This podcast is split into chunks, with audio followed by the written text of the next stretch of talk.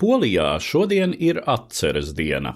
Valsts atzīmē 40. gadsimtu kopš kara stāvokļa ieviešanas 1981. gadā un piemin šī laika upurus. Tiek lēsts, ka no kara stāvokļa pasludināšanas 1981. gada 13. decembrī līdz tā atcelšanai 1983. gada 22. jūlijā režīma represīvās darbības laupījušas dzīvību visā vismaz 91 cilvēkam. Kara stāvokļa ieviešana bija totalitārisma reakcija uz neatkarīgās arotbiedrības solidaritāte īstenoto pārmaiņu kustību, kas draudēja atņemt vāru tās monopolistam, kompartijai un iespējams izraut Poliju no Padomju Savienības ietekmes orbītas. Polija pēc otrā pasaules kara bija lielākais padomju satelīts Austrumēropā, tomēr Poliju arī visgrūtāk nācās noturēt padomju satelīta statusā. Tūdaļ pēc kara te izvērtās nopietna bruņota pretestība, bet vēlāk laiku pa laikam uzliesmoja nemieri, kuru galvenie rīkotāji bija ar savu stāvokli neapmierināties strādnieki. Tieši Polija visskaidrāk rādīja, ka komunistu deklarētie mērķi, būvējot sabiedrību, kurā darba ļaužu intereses it kā ir pirmajā vietā, ir ar propagandu aizmālēta fikcija. Poļu strādnieki streikoja un protestēja 1956., 1968., 1970. un 1976. gadā. 1970. gada protesti Baltijas jūras ostas pilsētās tika apspiesti ar bruņotu spēku, nogalinot 42 cilvēkus.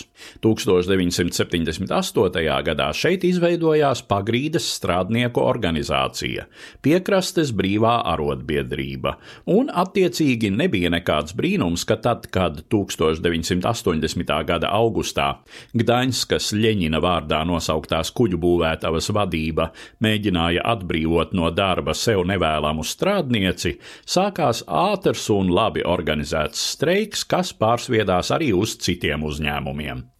Šajā reizē kompartijas līdera Edvarda Gereka valdība mēģināja sarunāt pa labam, bet streikotāju prasības ātri paplašinājās no tās augtajiem maizes un desas jautājumiem līdz atļaujai dibināt neatkarīgu arotbiedrību.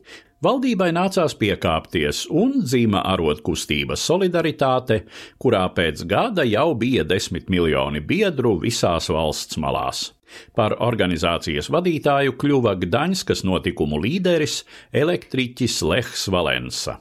Šī notikumu attīstība nevarēja nesatraukt padomju kompartijas vadību Maskavā. Jau 1980. gada septembrī no amata nācās šķirties Edvardam Gerekam. Viņa pēcnācējs Staņislavs Kāņa sabija polijas priekšgalā vienu nepilnu gadu, jo arī izrādījās nepietiekami lojāls Kremlim.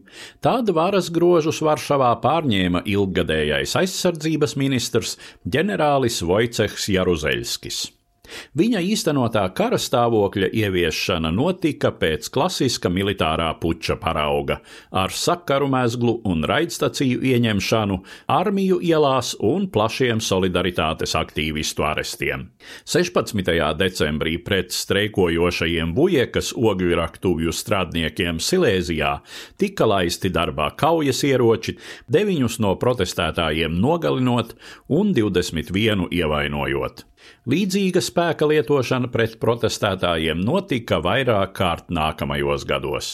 1982. gada oktobrī ģenerāļa Jaruzeļska režīms aizliedza arotkustību solidaritāte. Tomēr kustība turpināja darboties pagrīdē, izplatīt nelegālo literatūru, organizēt atbalstu ārzemēs un izdzīvoja līdz laikam, kad sāka brukt visa padomju totalitārisma sistēma. 1989. gadā režīmam atkal nācās sēsties pie sarunu galda, nu jau lai apspriestu totalitārās sistēmas demontāžu. Ģenerālis Jaruzeļskis vēlāk apgalvoja, ka viņa ieviestais karastāvoklis bijusi vienīgā iespēja, kā izvairīties no tiešas padomju intervences.